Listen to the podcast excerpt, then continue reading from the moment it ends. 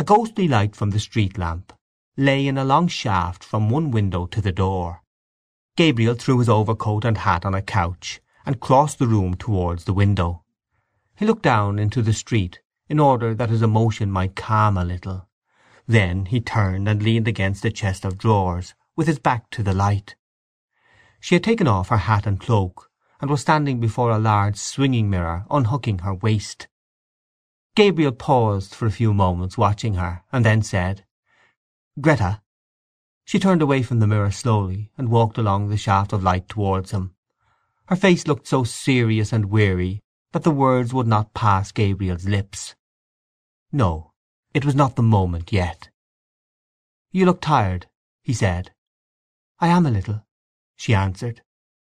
"You don't feel ill or weak?" "No, tired, that's all." She went on to the window and stood there, looking out. Gabriel waited again, and then, fearing that diffidence was about to conquer him, he said abruptly, uh, "By the way, Greta—" "What is it?" "You know that poor fellow Malins?" he said quickly. "Yes. What about him?" "Well, poor fellow, he's a decent sort of chap after all," continued Gabriel in a false voice. "He gave me back that sovereign I lent him, and I didn't expect it, really. It's a pity he wouldn't keep away from that Browne, because he's not a bad fellow, really." He was trembling now with annoyance. Why did she seem so abstracted? He did not know how he could begin. Was she annoyed, too, about something? If she would only turn to him, or come to him of her own accord. To take her as she was would be brutal. No, he must see some ardour in her eyes first. He longed to be master of her strange mood. "When did you lend him the pound?" She asked after a pause. Gabriel strove to restrain himself from breaking out into brutal language about the Scottish Malins and his pound. He longed to cry to her from his soul, to crush her body against his, to overmaster her. But he said, "Oh, at Christmas, when he opened that little Christmas card shop in Henry Street." He was in such a fever of rage and desire that he did not hear her come from the window. She stood before him for an instant, looking at him strangely. Then, suddenly raising herself on tiptoe, and resting her hands lightly on his shoulders, she kissed him. "You are a very generous person, Gabriel," she said. Gabriel, trembling with delight at her sudden kiss and at the quaintness of her phrase, put his hands on her hair and began smoothing it back, scarcely touching it with his fingers. The washing had made it fine and brilliant. His heart was brimming over with happiness. Just when he was wishing for it she had come to him of her own accord. Perhaps her thoughts had been running with his. Perhaps she had felt the impetuous desire that was in him, and then the yielding mood had come upon her. Now that she had fallen to him so easily he wondered why he had been so diffident. He stood holding her head between his hands. Then, slipping one arm swiftly about her body and drawing her towards him, he said softly, "Greta, dear, what are you thinking about?" She did not answer or yield wholly to his arm. He said again softly, "Tell me what it is, Greta. I think I know what is the matter. Do I know?"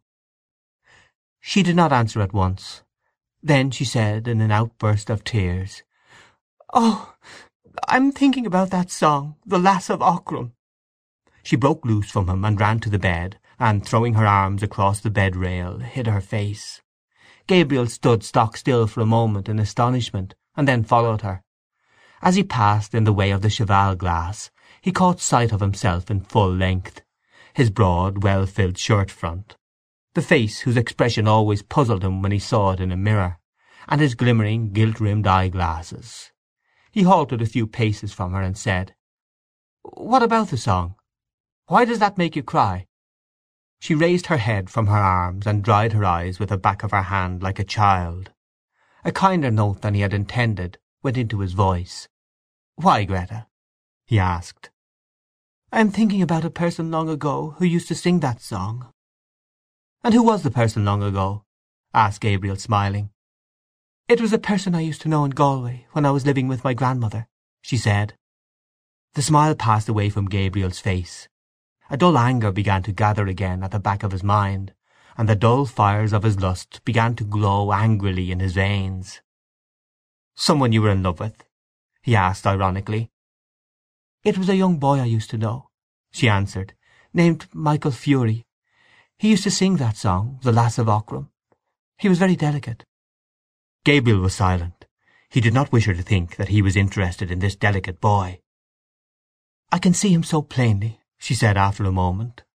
Such eyes as he had, big dark eyes, and such an expression in them, an expression. Oh, then you were in love with him, said Gabriel. I used to go out walking with him, she said, when I was in Galway. A thought flew across Gabriel's mind. Perhaps that was why you wanted to go to Galway with that Ivors girl, he said coldly. She looked at him and asked in surprise, What for? Her eyes made Gabriel feel awkward. He shrugged his shoulders and said, How do I know? To see him, perhaps. She looked away from him along the shaft of light towards the window in silence. He is dead, she said at length. He died when he was only seventeen. Isn't it a terrible thing to die so young as that? What was he? asked Gabriel, still ironically. He was in the gasworks, she said. Gabriel felt humiliated by the failure of his irony, and by the evocation of this figure from the dead, a boy in the gasworks. While he had been full of memories of their secret life together, full of tenderness and joy and desire, she had been comparing him in her mind with another. A shameful consciousness of his own person assailed him. He saw himself as a ludicrous figure, acting as a penny boy for his aunts, a nervous, well-meaning sentimentalist, orating to vulgarians, and idealizing his own clownish lusts, the pitiable, fatuous fellow he had caught a glimpse of in the mirror. Instinctively he turned his back more to the light, lest she might see the shame that burned upon his forehead. He tried to keep up his tone of cold interrogation, but his voice when he spoke was humble and indifferent. "I suppose you were in love with this Michael Furey, Greta?" he said. "I was great with him at that time," she said. Her voice was veiled and sad. Gabriel, feeling now how vain it would be to try to lead her whither he had proposed, caressed one of her hands and said, also sadly, "And what did he die of so young, Greta? Consumption, was it?" "I think he died for me she answered. A vague terror seized Gabriel at this answer, as if, at that hour when he had hoped to triumph, some impalpable and vindictive being was coming against him, gathering forces against him in its vague world. But he shook himself free of it with an effort of reason, and continued to caress her hand. He did not question her again, for he felt that she would tell him of herself. Her hand was warm and moist, it did not respond to his touch, but he continued to caress it, just as he had caressed her first letter to him that spring morning. "It was in the winter," she said, "about the beginning of the winter, when I was going to leave my grandmother's and come up here to the convent.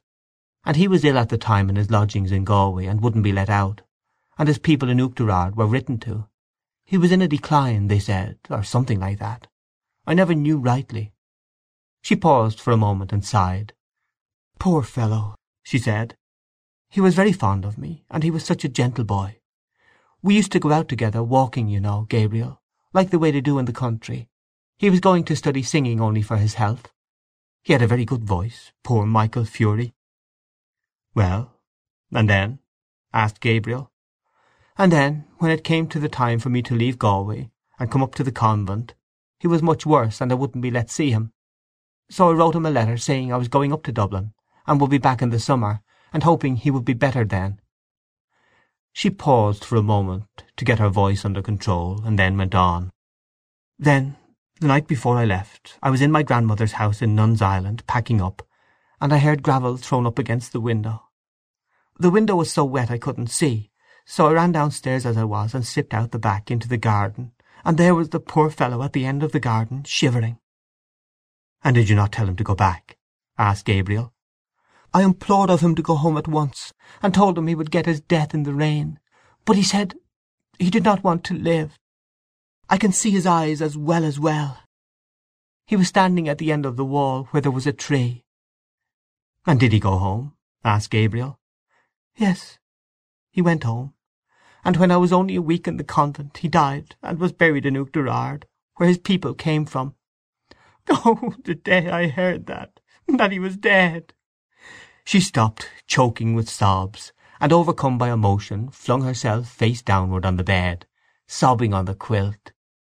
Gabriel held her hand for a moment longer, irresolutely, and then, shy of intruding on her grief, let it fall gently and walked quietly to the window. She was fast asleep. Gabriel, leaning on his elbow, looked for a few moments unresentfully on her tangled hair and half-open mouth, listening to her deep-drawn breath. So she had had that romance in her life. A man had died for her sake. It hardly pained him now to think how poor a part he, her husband, had played in her life. He watched her while she slept, as though he and she had never lived together as man and wife.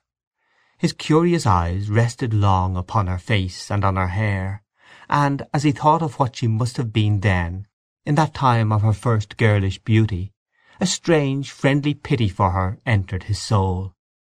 He did not like to say, even to himself, that her face was no longer beautiful, but he knew that it was no longer the face for which Michael Furey had braved death. Perhaps she had not told him all the story. His eyes moved to the chair over which she had thrown some of her clothes. A petticoat string dangled to the floor. One boot stood upright, its limp upper fallen down. The fellow of it lay upon its side. He wondered at his riot of emotions of an hour before. From what had it proceeded? From his aunt's supper, from his own foolish speech, from the wine and dancing, the merrymaking when saying good night in the hall, the pleasure of the walk along the river in the snow. Poor Aunt Julia! She too would soon be a shade with the shade of Patrick Morkan and his horse. He had caught that haggard look upon her face for a moment when she was singing Arrayed for the Bridal. Soon, perhaps, he would be sitting in that same drawing-room, dressed in black, his silk hat on his knees. The blinds would be drawn down, and Aunt Kate would be sitting beside him, crying and blowing her nose and telling him how Julia had died. He would cast about in his mind for some words that might console her, and would find only lame and useless ones. Yes, yes, that would happen very soon. The air of the room chilled his shoulders. He stretched himself cautiously along under the sheets and lay down beside his wife. One by one they were all becoming shades. Better pass boldly into that other world, in the full glory of some passion, than fade and wither dismally with age.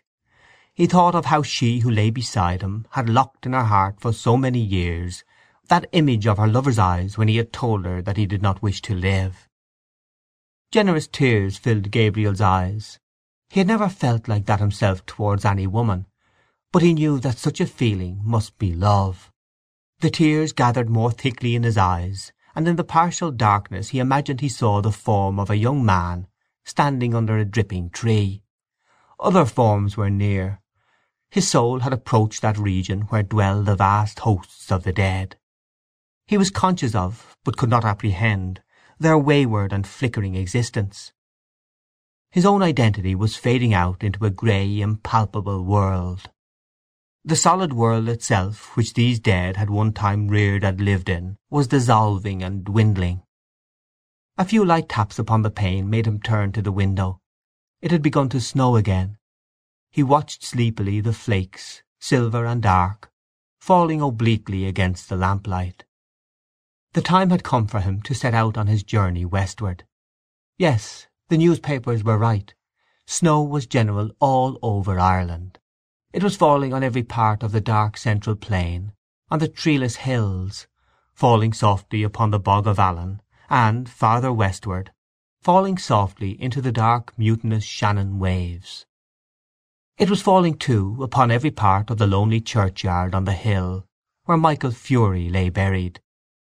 It lay thickly drifted on the crooked crosses and headstones, on the spears of the little gate, on the barren thorns. His soul swooned slowly as he heard the snow falling faintly through the universe, and faintly falling, like the descent of their last end, upon all the living and the dead. End of Dubliners by James Joyce Recording by Tig Hines